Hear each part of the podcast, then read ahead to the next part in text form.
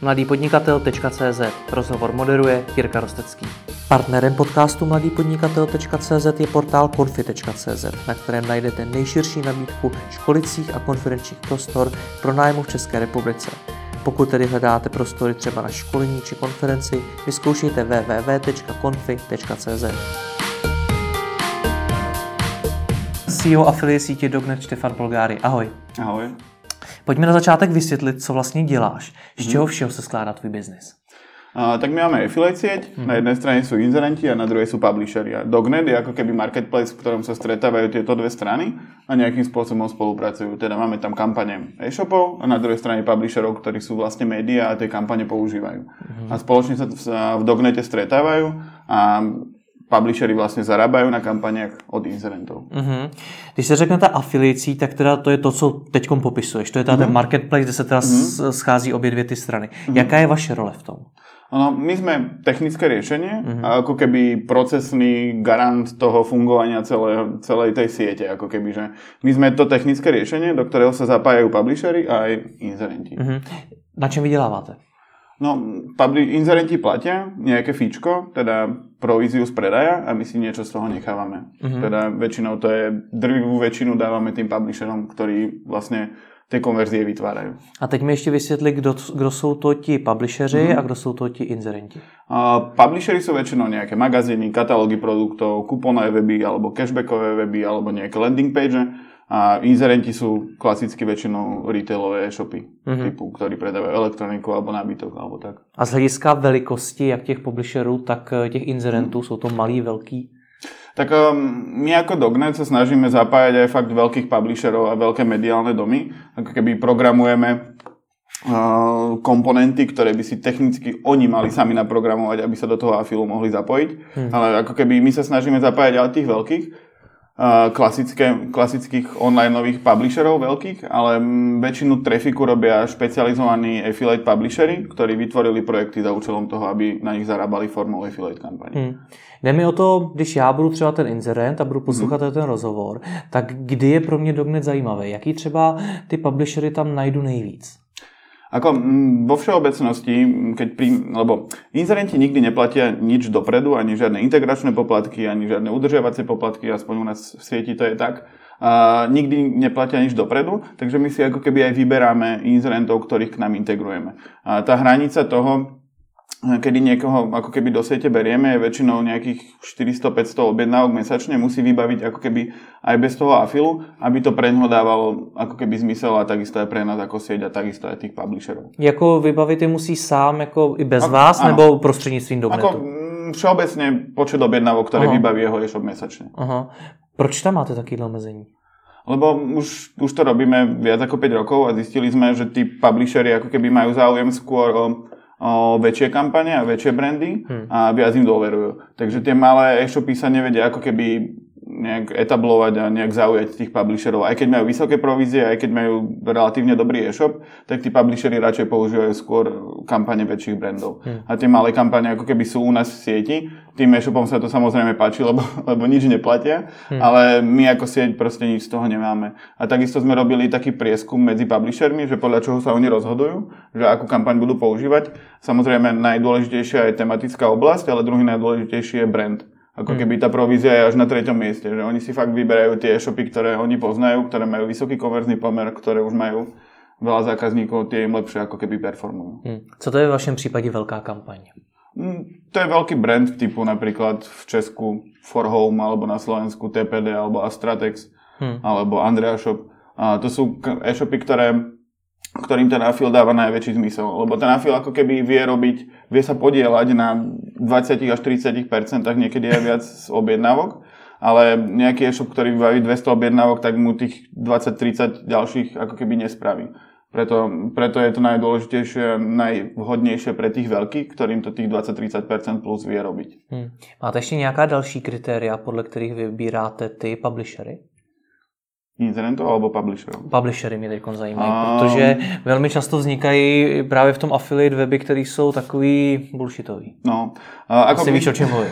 jo. Uh, snažíme sa ich samozrejme filtrovať. Oni keď sa registrujú, tak ich nejakým spôsobom preverujeme a takisto kampane, ktoré si to vyžadujú, tak sú ako keby zamknuté a človek sa musí prihlásiť a napísať, ja to volám, že Liebesbrief, hmm. že, že ako chce vlastne tú kampaň propagovať a ten inzerent si sám určuje, že že či ho schváli alebo nie, respektíve o tom rozhodujeme my ako sieť, to že o dohode s inzerentom. Hmm. Že akým spôsobom sa budú schvalovať. Takže máte tam nějaká i kvalitativní kritéria na to, jaký blogy, magazíny a další média se vám tam vůbec můžou dostat nebo ne?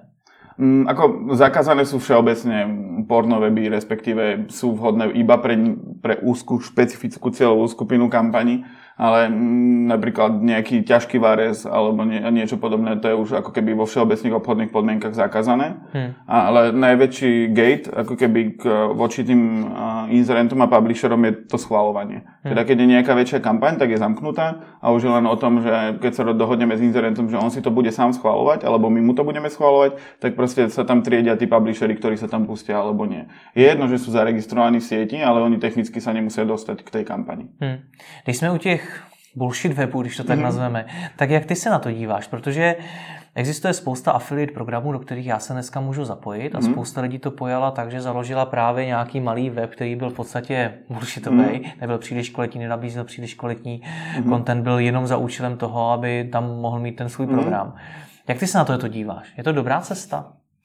Ako bullshit weby, ako to, to, čo je kvalitný kontent a nekvalitný kontent, to je v princípe otázne. Akože jedna vec je porušovať pravidlá a nejakým spôsobom sa snažiť vybabrať hmm. s tým afilom, to samozrejme priateľné nie je.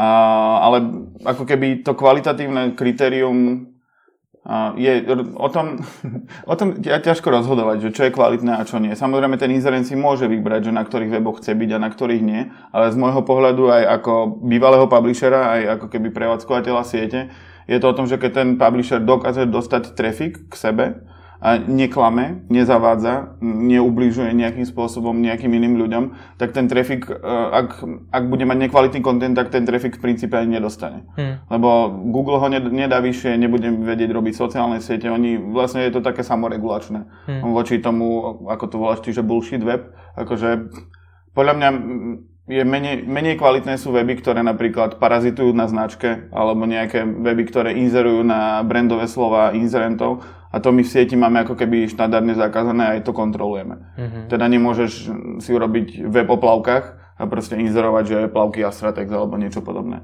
Mm. Takže skôr ide o to, že sa snažíme, aby to bolo fér. Že aby to bolo fér hlavne voči obidvom stranám. V čem podle tebe ti publisheri dělají nejčastěji chybu? Co podcení? Ako podceňujú hlavne čas, ktorý mu sa treba na začiatku tomu venovať. Mm. akože veľa ľudí sa tomu začne venovať, ale pokiaľ zistia, že po týždni, dvoch nemajú žiadne konverzie, tak um, s tým skončia, respektíve už stratia nejakým spôsobom motiváciu. A to je najväčšia chyba, ktorú robia tí, tí nováčikovia, že myslia si, že to je nejaký quick win akože keď chce niekto quick win, tak nech chodí do roboty alebo ide do kasína. Akože, hmm. tam, tam je to teoreticky Zajímavá rada.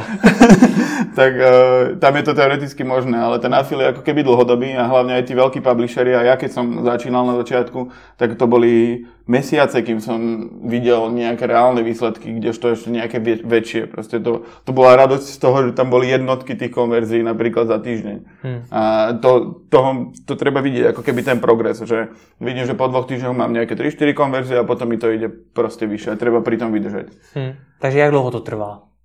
Říkal si, že dva týdny to nebudou? Ako, uh, máme publishera napríklad, obsahového, ktorý fakt robí kvalitný content, uh, obsahový web na recenziách a na nejakých odporúčaniach nejakých produktov. A on, on sa vedel dostať uh, za 3 mesiace už na stovky eur, ktoré zarábal na affiliate kampaniach. Hmm. A on robil čisto ako keby organik a, a SEO a tak. Čiže ono to nie je nemožné, len proste treba tomu venovať čas, aj možno aj nejaké financie na tých copywriterov a tak. Čiže nie je to, dá sa to robiť aj tak, že ty si založíš na e-stránkach nejaký, nejaký blog, začneš tam niečo písať a pomaly ti to pôjde a dostaneš sa do toho. Hmm. Ale najlepšie je si zobrať knižku, ako, ako tú našu, ktorú sme teraz vydali a proste si ju celú prejsť a ísť, vymyslieť si projekt a skúsiť to proste. Jak se mu to povedlo, že už po třech měsících se dostal na stovky eur? Bylo to o tom, že si zvolil dobrý téma, nebo prostě vychytal nějakou niku na trhu, která nebyla obsazená?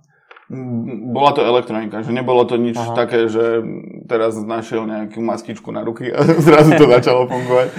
Bola to elektronika, ale proste on vedel veľmi dobre robiť ten projekt, aby bol komerzný a vedel zohnať proste ten trafik. Hmm. Že o tom to bolo, že on neposielal ten trafik rovno na inzerentov, ale vedel ich do tých návštevníkov u seba spracovať a potom, keď už to poslal k tomu inzerentovi, tak už to veľmi dobre konvertoval. Mně přišlo, že před pár lety, možná to je jenom můj dojem, hmm. to je bylo takový období, kdy právě podobné weby zakládal spousta těch affiliate podnikatelů, hmm. byl takový boom afilu v Čechách i na hmm. Slovensku. Přijde ti, že už ta, ta doba je pryč, že už ten boom pominul? Ako ja vnímam také dve, dve póly affiliate marketingu. Jedno sú infoproduktisti. Mm-hmm. Tí priniesli ako keby to ma nebude mať veľa ľudí rado. Ale ja volám túto stranu ako keby bullshity. Že oni tlačia do ľudí, predávajú im pdf za 150 eur, proste jedno nejaké pdf ktoré predčerom vytvorili. Hmm. A ten afil ako taký sa, sa bral skôr z pohľadu toho, toho info, infoproduktizmu, respektíve nejakých školení alebo niečo, niečoho takého. A druhá strana je ako keby ten produktový afil, keď si niekto robí affiliate projekty, porovnávače cien alebo katalógy produktov alebo niečo také, čo je reálny content, hmm. ktorý nie, není postavený len na nejakých proste, že teraz budem ti radiť, ako máš podnikať. Hmm. Alebo niečo také. Čiže Čiže ten produktový afil je ten, ktorý, ktorý nás zaujíma a ten je tu ako keby už dlhodobo. Niekedy tu boli púčky, to asi poznáš. Hmm. aj ja pred desiatimi, už aj 12 rokmi som mal 350 webov s pújčkami v Česku. 350 si ich mm, No, čiže niekedy fičali tie pújčky. Aj ten afil na Slovensku pred tými 5 rokmi bol, že afil rovná sa požičky. Hmm. A my keď sme to začali tam riešiť a začali sme edukovať tých publisherov, robiť eventy, proste všetko, tak sme to dostali postupne do toho produktového afilu. Když jsi tady před chvilkou zmiňoval tu kvalitu, že je potřeba dělat kvalitní content, mm. investovat, brát ten web prostě vážně. Mm. Lze něco takového u 350 webů současně? No nie. Aktuálne, keď si zoberieš e, situáciu na sezname, mm-hmm. v organiku seznamu pred 12 rokmi, tak to si tam vedel ako keby sa dostať s webom za dva týždne proste na prvú stranu. Hmm. Čo už aktuálne nie je možné. To zlatá doba. to bola zlatá doba. Na tom, na tom vyrastlo veľa publisherov a to je aj rozdiel medzi napríklad českým afilom a slovenským. Že na Slovensku je tých ľudí oveľa menej ako v Česku, lebo na, na Slovensku nebol ten seznam, na ktorom sa veľa ľudí naučilo, ako to majú robiť. Hmm. Že teraz ako keby, preto treba pri tom vydržať, lebo dlhšie trvá tá, dlhšie, dlhšie trvá tá doba, kedy ty dostaneš k sebe nejaký relevant relevantný trafik. Hmm. Kdežto predtým si na sezname proste vedel to veľmi rýchlo, ako keby to optimalizáciou dosiahnuť. Já předpokládám, že ty si tenkrát do těch 350 webů šel, protože kvantita byl ten jo. směr, kdy ti to vydělá víc peněz. Ano. Je to, platí to i dneska, nebo je dneska lepší mít jeden projekt a ten vypiplat do co největších čísel?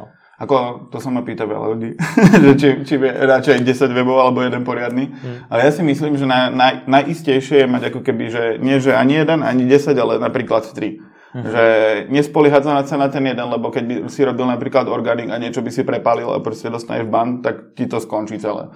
Ale ako náhle máš 3, tak vieš sa fokusovať. Stále na tie tri aspoň, ale nie, máš diverzifikované to riziko. Takže ja by som skôr odporúčil robiť to, robiť to tak, že nie, nie úplne jeden nejaký libling projekt, ale snažiť sa ako keby v rámci jednej tematickej skupiny robiť viacero projektov, dajme tomu. Hmm. Zamluvili jsme možná trošičku ten boom. Opadává teda už ten zájem o affiliate, nebo naopak roste podle tebe? Ako podľa mňa to nejakým spôsobom stagnuje. Že nie je to úplne také, že boom, ako ja by som to ani nenazval, že by niekedy na Slovensku bol nejaký boom, akože tam um, tam je to o tom, že my sa snažíme dotiahnuť tam, lebo pre nás je lepšie dotiahnuť do tej, do tej siete jednotky ľudí, ktorí fakt niečo budú robiť, hmm. ako tisíce, ktorí tam prídu a potom zistia, že to ani vlastne robiť nechcú. Hmm. Takže preto je dôležitejšie, že nevie, nerozprávať sa tu o boome, ale skôr o tej kvalite. Že trendom, ktorý ja vidím, je ako keby profesionalizácia publisherov, že niekedy ich bolo možno viac, ale mm, robili menšie objemy, kdežto z toho objemu publisherov veľa sa svišlo už na to, že robí len ten afil. Že to tu pred niekoľkými rokmi ako keby bolo možno v menšej miere, hlavne na Slovensku. Hmm. Vieš, že sú profesionalizovanejší. Co znamená, že jsou profesionalizovanější? To si vybral nádherný slovo v praxi. Znamená to teda, že už kolem sebe staví týmy lidí? Ano. Nebo? Áno, že už majú zamestnancov, že už majú copywriterov interných, že už majú pro, interných programátorov a proste robia len, len na affiliate projektoch. Hmm. Že nerobia, dajme tomu, weby pre klientov alebo PPCčkové kampane nejaké, ale proste robia iba, iba ty svoje projekty. Kolik lidí takhle dokázalo v Česku a na Slovensku na tom afilu vyrůst, aby dokázali na tom třeba založit vlastní firmu? Ako na Slovensku sú to desiatky, mm-hmm. v Česku možno až stovky. Až stovky lidí dokázali přes Afil založit firmu? Podľa mňa určite. Veľa ľudí poznám takých, ktorí na tom afile vyrástli a mhm. teraz robia už aj niečo iné. Proste, že nerobia len afil, robia dajme tomu aj lead gen, alebo predávajú klasické médiá alebo proste vyrastli na afile, majú tam nejaké prachy už robia nejaký offlineový biznis. Hmm. Takže dá sa na tom vyrazať a nie sú to ako keby, že traja ľudia na Slovensku, ktorí to robí.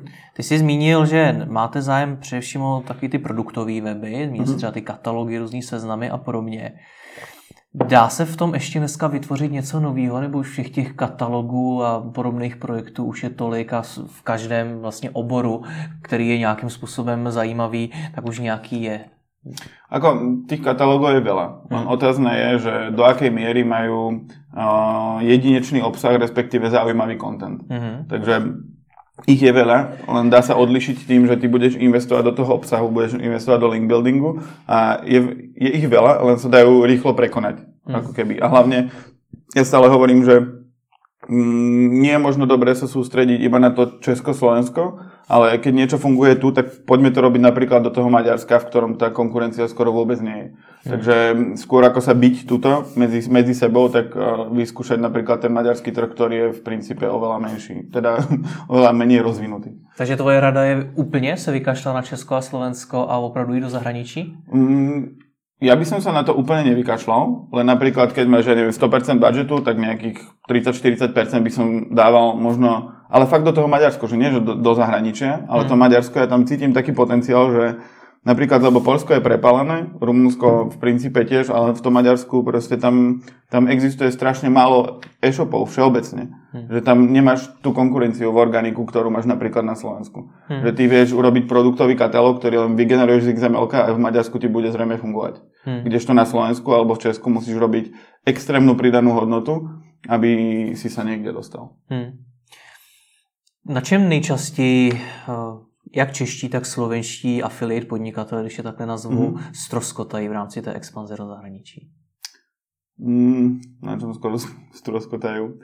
Ono, tých, ktorých poznám a viem, že začali robiť nejaké zahraničné veci, tak im to funguje. Hmm. Akože tam najdôležitejšie je sa pre, vystúpiť z tej komfortnej zóny, že ty vlastne, keď robíš maďarský web, nevieš, čo tam je napísané. To proste, keď si pozrieš polský web, tak vieš, že OK, niečo tam je napísané, asi, asi to nie je nadávka, ale keď si pozrieš maďarský web, tak proste nevieš, čo tam je napísané. A to je, ten, to je tá, tá bariéra, že naučiť sa to, že ty nebudeš robiť žiadny mikromanagement a všetko bude, budú za teba robiť copywritery, a ty tam musíš nastaviť len tie procesy, ktoré, ktorým, ktorými to všetko nastavíš a to bude fungovať. Hmm. Bude sa plniť tam, bude sa robiť link building a tak. A to je práve výzva pre tých podnikateľov v file, že oni väčšinou sú, lipnú na niečom, že proste dramatizujú niečo, v čom oni ešte musia byť fyzicky, ako keby, že keď sa nahadzujú články, tak ich musia kontrolovať, lebo proste si povedia, že každý jeden článok, ktorý vyjde von, tak musím skontrolovať. Kdežto v Maďarsku už to v princípe robiť ani nemôžeš, hmm. lebo, lebo nevieš ten jazyk. Čiže vieš, vieš sa naučiť ako keby 100% delegovať niektoré práce, ktoré, ktoré si si nedovolil ako keby, alebo nechcel dovoliť delegovat na Slovensku alebo v Česku. A je tohleto dobrý, aby absolvoval začátečník, nebo už je to spíš lepší, aby měl hodně velké zkušenosti v Česku, ideálně už měl vybudovanou vlastní firmu v Česku?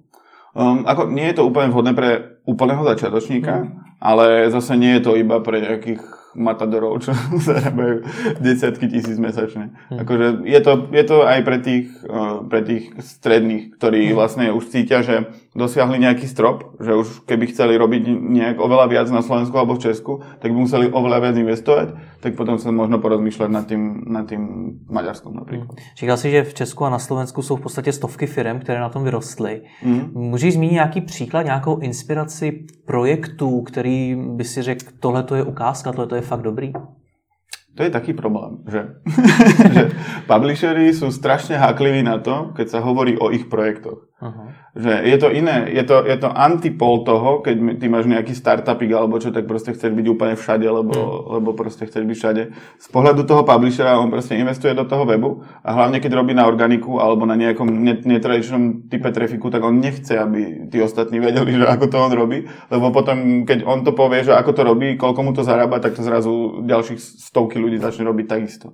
Hmm. A vlastne preto, preto neexistujú nejaké úplne verejné zoznamy nejakých publisherov alebo, alebo niečo také, lebo proste už aj my sme sa na tom párkrát popálili, že v dobrej, v dobrej vôli a v, do, v dobrom v dobrom mienení sme, sme niečo povedali a potom to bol problém. Takže už teraz nehovoríme nič, nič konkrétne, že kto čo robí, lebo proste oni si chránia to svoje know-how a je v princípe v tejto dobe je dosť jednoduché ako keby okopčiť celý projekt. Ty keď máš peniaze, tak proste ho okopčíš a urobíš ho trošku iný, vieš si zistiť, ako robí link building, vieš si zistiť všetko a urobíš prostě to isté. Není ale podle tebe, jako podle zkušeného podnikatele, tohle to poměrně výrazná slabina, že stačí evidentně, abych do, možná hmm. zničil podnika, nějakého podnikatele jenom tím, že ho zmíním.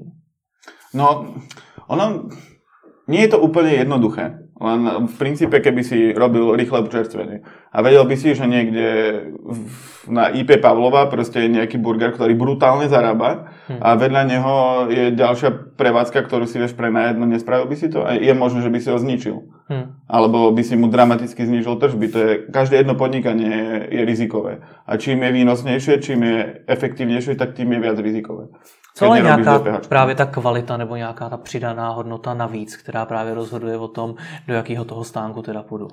No áno, to bolo, ty, ty tie burgery, ktoré tam postavíš len na to, aby si zarábal, nikdy nebudú také dobré ako toho prvého. No, hmm. nikdy. teoreticky, teoreticky nikdy. Pri tých afil projektoch to je väčšinou tak, že keď sa oni začnú kopčiť medzi sebou, tak uh, tí, ktorí už kopčia, tak nevedia tomu dať tú pridanú hodnotu a ten, ten ktorého kopčia, bude stále najväčší, hmm. ale budú mu brať dosť významné percento toho, toho, čo ako keby on robí. A děje se tohleto skutečně, nebo je to jen takový ten strach, který má spousta Nie, to sa deje. Ako, ono, je to skôr paranoidné, lebo keď niekto fakt chce niečo okopčiť, tak si to proste nájde. Hmm. To, to není o tom, že my keby sme niečo povedali, tak niečo sa stane.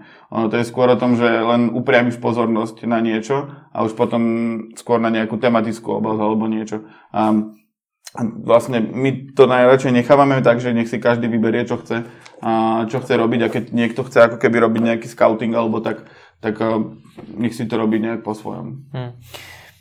Jak při vědomí tohle všeho, co říkáš, v Česku a na Slovensku funguje nějaká affiliate komunita? Já vím, že vznikalo spousta hmm. affiliate akcí, klubů, hmm. skupin na Facebooku a podobně. Hmm. Funguje to?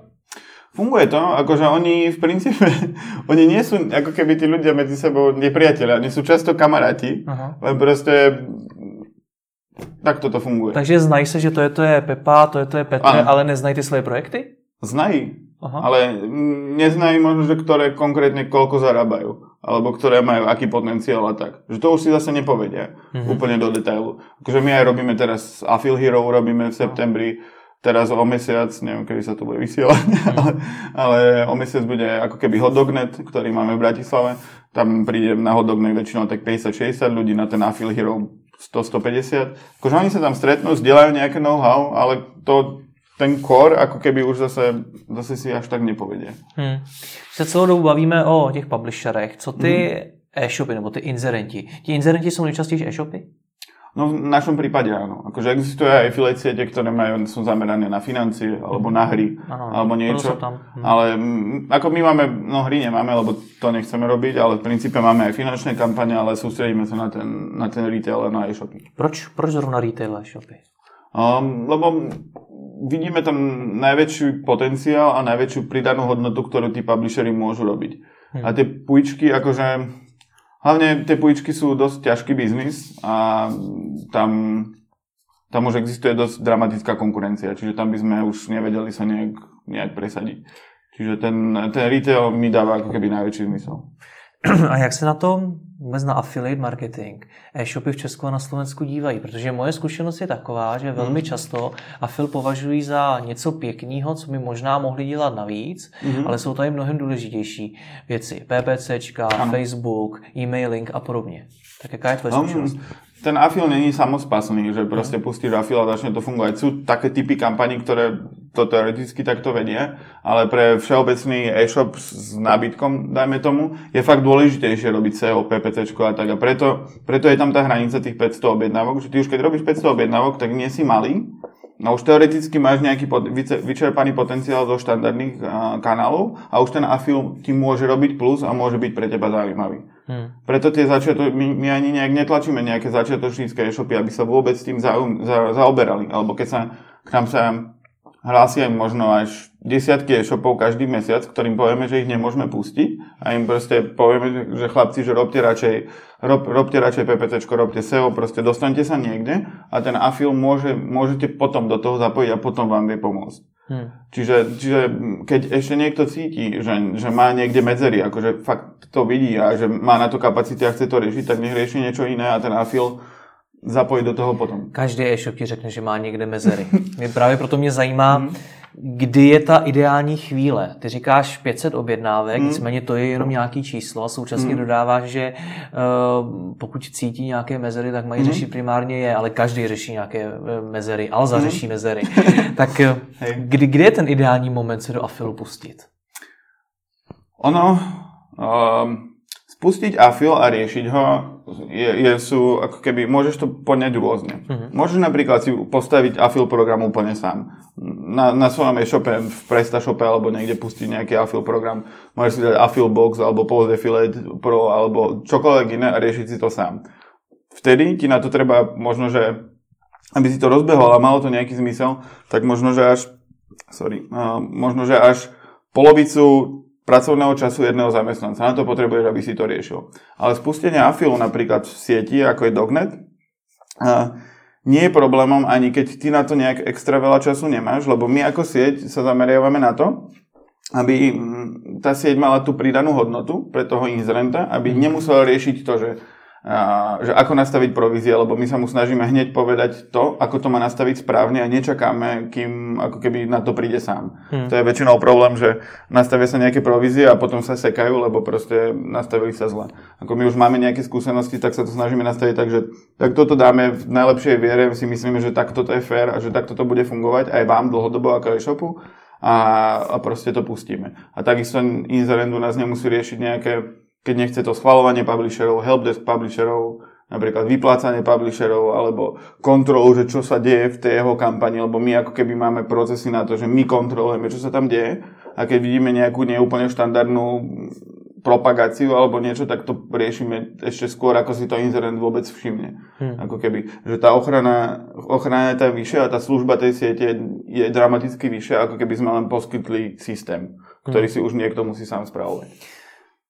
500 objednávek, teda je jedno mm-hmm. kritérium, který by si doporučil. Mm-hmm. Jsou nějaký další kritéria. Já vím, že třeba často lidé, kteří jsou zkušení v tom affiliate marketingu, těm e-shopům říkají, jak můžete řešit affiliate, když nemáte ani pořádný texty na webu mm-hmm. a prostě ten web na to nemáte připravený. No, keď máš 500 objednávok mesačne, tak asi nebudeš mať úplne zlý e-shop. Odivil by ses. Snad takový. Akože, mm, my sme zapájali napríklad nejakých zahraničných inzerentov, ktorí sme, sme vypli, lebo sme zistili, že proste majú napríklad zlé tie texty, že to je len nejaký Google Translate alebo niečo, ani, ani sme ich v princípe nezapli. Akože musí byť konverzný ten e-shop. Akože tých 500 objednávok už je, už je taká hranica, že keď už to niekto má, tak, tak je pravdepodobné, že akože nebude už veľmi zlý ten e-shop. Hmm. Akože my keď, keď sa pozrieme na ten e-shop a je, je zlý, respektíve máme predpoklad, že nebude tam niečo konvertovať alebo tam niečo nefunguje, alebo, alebo niečo, tak im odporúčime nejaké veci, ktoré by mohli urobiť preto, aby sa zlepšili a potom ich ako keby integrujeme. Lebo hmm. stáva sa, že sa e-shopy integrujú dva roky proste do siete. Že oni sa ozvú, potom sa neozvejú pol roka, potom zase riešia, potom zase niečo upravia a potom sa to proste po dvoch rokoch nejakým spôsobom rozhýbe. Hmm. Takže keby, keď sa má e-shop rozhodovať, že, že či ísť do toho afilu alebo nie a má tých 500 objednávok, hmm. respektíve je to nejaký silný jednoproduktový brand, a, tak proste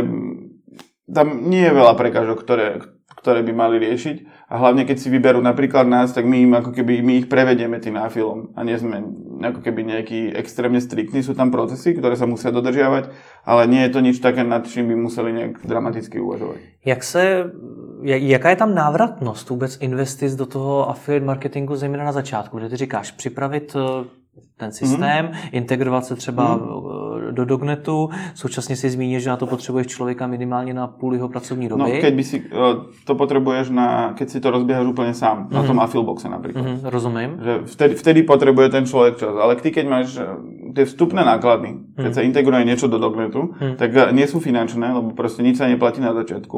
A banery napríklad, oni sa dajú využiť z nejakých artibičkových kampaní alebo z niečoho iného, čiže tam netreba vymýšľať niečo, niečo nové.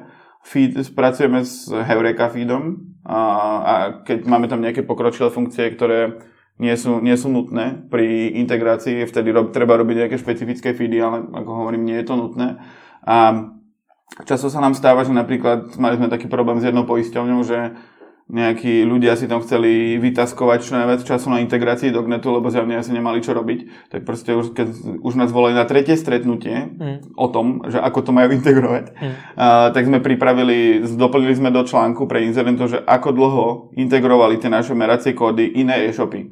A väčšinou to bolo, že neviem, asi 10 minút, alebo neviem, ale viac ako hodina to nebola. Alebo niečo také, že, mm-hmm. že mhm. oni si ani nepamätajú, že by to nejak bolo nejaké dramatické. Takže u vás je to rychlý, nicméně já mhm. vím, že to je poměrně složitá otázka, hmm. ale ty e-shopy budou potom přemýšlet o tom, kolik do toho budou muset vložit hmm. peněz a kdy se jim asi vrátí, klasický podnikatelský uvažování. Hmm. Tak eh, jak vysoká investice obecně toho affiliate marketingu na začátku podle té zkušenosti je?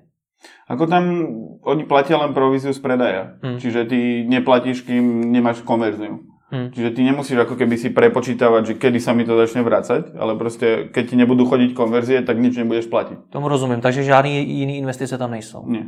Dobře.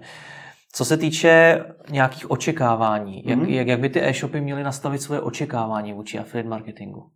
Um, keď to je veľká značka, tak uh, vie počítať napríklad v prvý mesiac s nejakými desiatkami objednávok, kde v tie ďalšie mesiace možno stovky objednávok. Mm. A, ale keď aj, máme aj také proste fakt veľké e-shopy, napríklad ako For Home a ten nástup tam bol strašne pomalý, že, že prvé mesiace to nerobilo skoro nič, lebo v princípe ten afil je závislý na práci publisherov a oni sa musia k tomu dostať. Hmm. Teda oni, nie je to o tom, že to zapneš a vypneš ako, ako na Facebooku alebo na AdWords, Proste musia, musia sa k tomu dostať, musia to integrovať, musia s tým pracovať. A ja stále hovorím, že OK, že poďme sa po troch mesiacoch pozrieť, že ako to, ako to funguje aktuálne a po šiestich mesiacoch sa už dá povedať, že či to má zmysel ďalej mať zapnuté alebo nemá. Hmm. Lebo keď už, keď už to robí malý počet objednávok po šiestich mesiacoch, a my vidíme, že to nemá nejaký potenciál, tak v princípe sa tá kampaň kľudne môže vypnúť ako keby a proste nebude v prevádzke, lebo a my často robíme aj proaktívne to, že vypíname kampane, lebo tá kampaň, keď je u nás zapnutá, tak my máme nejaké administračné náklady s tým, aj keď tá kampaň nič nerobí. Takže preto niektoré aj vypíname ako keby, lebo proste nie sú efektívne a musíme sa venovať skôr tým väčším. Co, ty jsi nazval nástupem mm. v případě toho Forham, tak co, ten, co rychlost toho nástupu ovlivňuje, nebo jak to může ovlivnit ten e-shop, aby to nastoupilo co nejrychleji?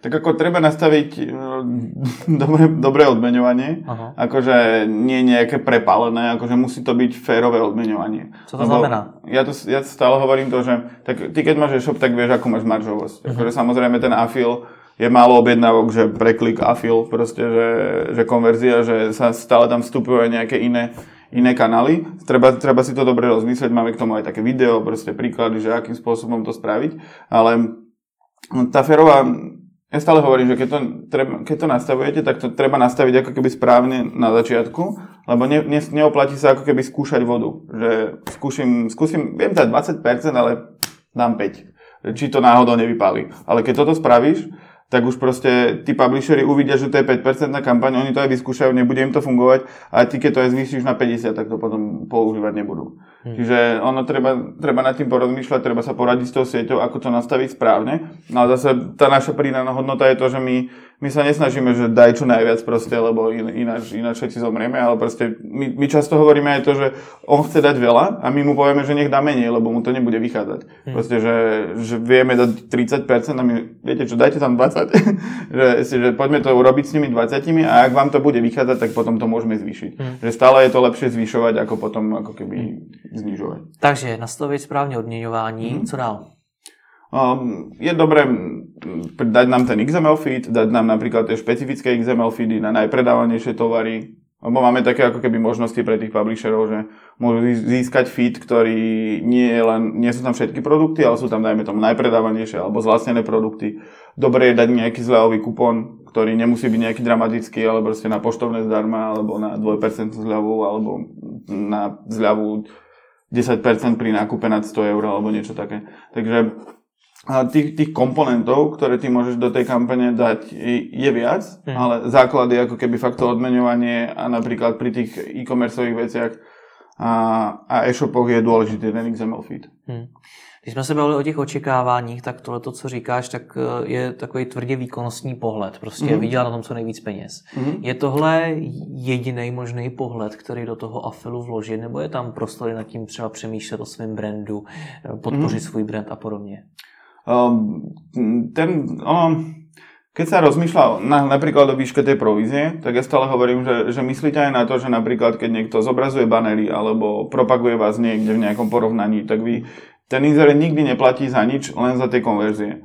Teda ten, ten brand alebo niečo, brand awareness proste je v princípe pridaná hodnota toho afilu, ktorá sa dá ťažko odmerať, ale proste existuje tam. Ale my tým, my tým brandom alebo niečím neoperujeme, lebo vieme, že tí najefektívnejší publishery, oni nezobrazujú banery alebo niečo, že kde je logo a produkt a kúpte si to. Proste, lebo tí najefektívnejší publishery robia nejaké recenzie, proste call to action tlačítka, nejaké porovnávania a tak. Čiže um, ten brand je tam samozrejme prítomný, ale nie je to nejaký argument, kvôli čomu by ten e-shop mal ísť, ako mm. keby do toho afilu. Jak moc by právě do tohohle z toho měl ten e-shop zasahovat, do toho, jakým způsobem to ten publisher zpracuje? Um, no, celá sieť má nejaké pravidla, ktoré proste nemôže to byť na tých nejakých nevhodných stránkach, nemôže to byť na nelegálnych stránkach. To je ten základ, tomu rozumiem. Hej. A e-shop si môže dať nejaké pravidla, ako keby, že mm, to už záleží od toho, že do akej miery oni to dramatizujú pri všetkých ostatných kanáloch. Lebo napríklad mali sme aj poisťovňu, ktorá nechcela byť s inou poisťovňou na jednej stránke. Čož pri porovnaní po, poistiek nie je veľmi, hmm. veľmi ani reálne. Ale my sa snažíme to vysvetľovať tak, že netreba to nejak veľmi obmedzovať, lebo proste potom tí publishery stratia motiváciu a možno budú mať aj strach to propagovať, že čo keď tam budú mať niečo zle a potom sa im začnú zamietať tie provízie alebo niečo podobné. Mm. Čiže ono, mm, je dobre to spustiť, nastaviť nejaké ako keby prečítať si tie podmienky, ktoré tá sieť má a ak to nepostačuje, tak skúsi tam niečo prípadne doplniť, ako keby do podmienok tej kampane, ale ako keby skôr sledovať post, že odkiaľ tie kliky pochádzajú, odkiaľ chodia tie konverzie a ak sa tam niečo internetovi nepáči, tak sa to dá samozrejme riešiť. Hmm. Že nie, nie, že to vydramatizovať hneď na začiatku a nejak to vykatovať hneď, ale skôr, skôr sa na to pozerať neskôr a prípadne do toho potom zasahovať. Hmm. Ještě mi řekni, když jsme eh, se bavili o tom, komu se vlastně affiliate vyplatí mm. z hlediska těch e-shopů, tak co z hlediska jejich oboru, jejich zaměření? Mm. Měl si třeba tu elektroniku, tak teda očekávám, že asi funguje dobře. Mm. Elektronika funguje dobre, aj napríklad zdrav, segment zdravia funguje dobre, nábytku funguje dobre. Akože nefungujú nejaké e-shopy typu, ja neviem, pracovné odevy alebo niečo také, ktoré môže byť aj ten e-shop veľký, hmm. ale proste neexistujú na neho publishery. Že fakt veľakrát sa nám stalo, že sme mali napríklad nejakého veľkého predajcu nejakých papierenských vecí, alebo vieš čo máš fotoobrázky, alebo tak a proste nefungovalo to, lebo na to neboli publishery. Hmm. Čiže no, už keď sa nám niekto hlási k nám a má tých 500 objednávok, tak to, to je taká hranica tých magických 500 objednávok, hmm. že už keď niekto toto robí, tak je pravdepodobné, že ten e-shop nebude malý, nebude úplne špecifický, lebo ináč by relatívne veľa nepredával ale proste keď vidíme, že by to nemalo zmysel, tak ho radšej ani nepúšťame a odporúčame mu proste skúsiť niečo iné. Lebo ten afil nie je úplne pre každý e-shop a nie je efektívne ho púšťať ako keby na silu a nejak to skúšať. Čiže... Takže jak mám zistiť, že je zrovna pro ten môj e-shop? Opýtať sa nás. Akože to je najjednoduchšia cesta zistiť, opýtať sa siete, že má pre môj e-shop zmysel riešiť afil a my im povieme, že áno alebo nie. Hmm. Zmiňoval si, že eh, Dognet děláte 5 let? Myslím, že teraz už bude 6 rok. Dokonce už 6? Alebo 5. Hmm. Tak jakých to je 5-6 let? Je to, tak, je to bomba? 4-5. ja vám, ja to, my nie sme nejaká taká firma, že by sme teraz oslavovali, máme už 240 mesiacov, alebo ja neviem koľko proste, že a tak, čiže uh, ja už ten afil a všeobecne online marketing robím asi od 15 rokov, čiže to už bude asi nejakých 12-13 rokov. Hmm. Čiže ako keby ja som si preskakal tým, no, tým afilom ako publisher a následne až potom som ako keby začal riešiť tú sieť, že, že vidím, že čo tí publisheri chcú, čo robia, aké majú očakávania, alebo ako s nimi v princípe pracovať. Hmm. Co tě na tom baví? Co tě baví na tom affiliate podnikání? Ako, mňa najviac bavilo, keď som bol menší, keď som s tým začínal, že proste, že, že, že ty zarábaš a nič nerobíš. Akože ty musíš urobiť extrémne veľa práce, ale proste lyžuješ sa a naskakujú ti konverzie, že zarábaš. Hmm. Že to, je, to je ten krásny pocit na tom, že, že nie, nie je to závislé od tvojej práce. Lebo ty, keď nechodíš do roboty, tak proste nemáš peniaze. Ale kdežto ten afil je o tom, aj to online podnikanie väčšinou je o tom, že nemusíš vykonávať ako keby... Um, nemusíš vykonávať nejaký, alebo vytvárať nejaký výkon, aby si mal peniaze. Ale proste ty robíš výkony, ktoré ti následne potom ten, tie peniaze prinášajú. Hmm. Já znám pár lidí, kteří právě hodně vydělávali přes affiliate mm. a v podstatě to byly takový ty šedý, šedý myši, kteří jenom seděli u toho počítače, nevycházeli ano. ven. Je taková realita u všech? Že Leoš Mareš asi nerobí afil. Proste to, to sú väčšinou chlapci... som sa. to, to robia chlapci od počítačov väčšinou. Že akože sú, sú tam napríklad aj dievčatá, ktoré zarábajú relatívne veľa. Sú tam aj ľudia, ktorí nie sú nejak technicky nadaní a vedia to robiť, lebo ten afil nie je nejaká hardkorová vec, čo by si musel nejak programovať alebo tak. Mm. Ale väčšinou tí chlapci od počítačov sa najskôr dostanú k tvorbe tým, tých stránok a proste či už na strednej napríklad, že oni sú tí, ktorí to vedia robiť mm. a postupne sa k tomu dostanú. Mm. Akože je, je, to je, je tam pravda, že je tam málo veľkých urastených slamatých chlapcov. no ale ty nevypadáš tak, že by si byl ten kluk od počítače. Ale hej, Taky jsi radši celý dny u počítače, než aby si vychádzal mezi lidi? Ako, ja, ja som extrovert, len trávim veľa času za počítačom. Akože nie je to niečo, kto, čo by som nejak preferoval úplne, mm-hmm. ale nerobí mi to ako keby problém. Přesto nechybí ti tam někdy právě ten kontakt s lidmi, ně, něco, co se děje kolem toho? Tam to? si víš, po dvou měsících jsi venku. som taký menej opalený. Ale ako preto robíme tie, tie akcie, preto chodíme na konferencie, tento rok chodíme na 11, ideme na 11 konferencií a expo, výstava, všeličoho. Hmm. Proste, no, aby sme sa dostávali do kontaktu aj offline, ako keby s tými ľuďmi. Čiže my aj máme keby sme tak založení viac, že točíme videá, proste tak, že nie sme ako keby tí kľúci od počítačov v princípe, hmm. ale skôr, skôr sa to snažíme ako keby dostať do toho reálneho sveta. Hmm. Proč si to tehdy na začátku vůbec zakládal? Předtím si zmiňoval, že jste měli poměrně velkou konkurenci, protože mm. jste šli jenom tím směrem e-shopu a retailu. Mm. Tak eh, co ti na tom dávalo největší smysl, že si vytvořil Dognet?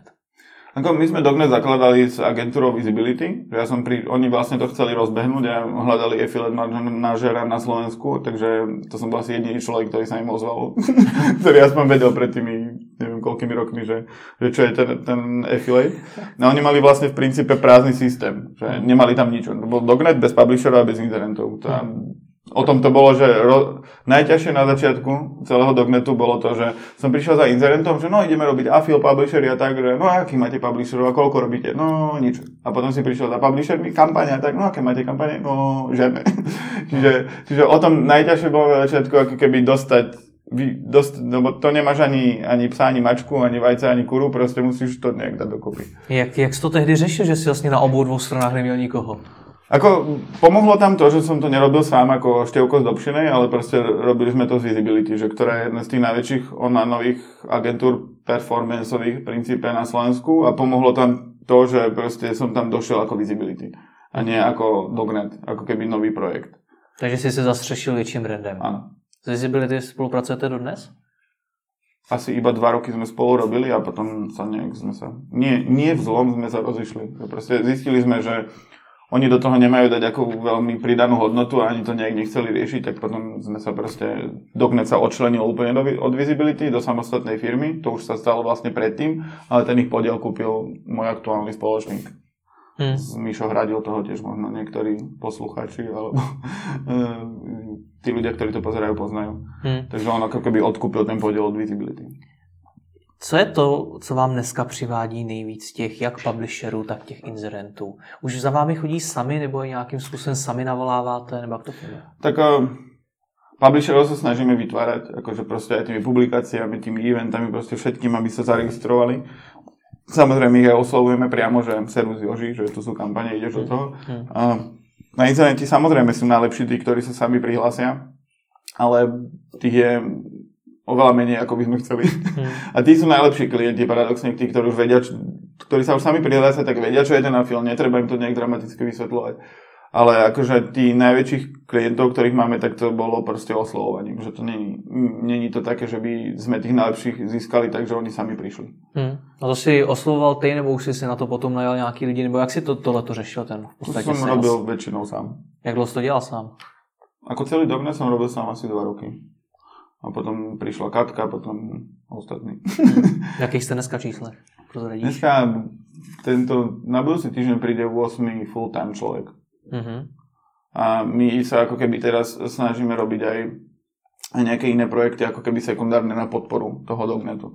Čiže nemám tam všetci ľudia, ktorí, ako, no, celý dognet by vedel fungovať technicky o dvoch ľuďoch. Mhm. Akože je to tak na, na, nastavené procesne, že a, že nie je potrebné nejakých workerov, ktorí by niečo vytvárali, ale všetci sú na to, aby proste kontrolovali tú sieť, rozvíjali tú sieť, oslovali publisherov, oslovali internetov, že sú to tí expanzní ľudia, hmm. ktorí ako keby v princípe tam nie sú nejak potrební, ale preto, aby tá firma rastla čo najrychlejšie, tak sú, sú tam. Což je vlastně ideální nastavení té firmy na její pozdější prodej. Ano.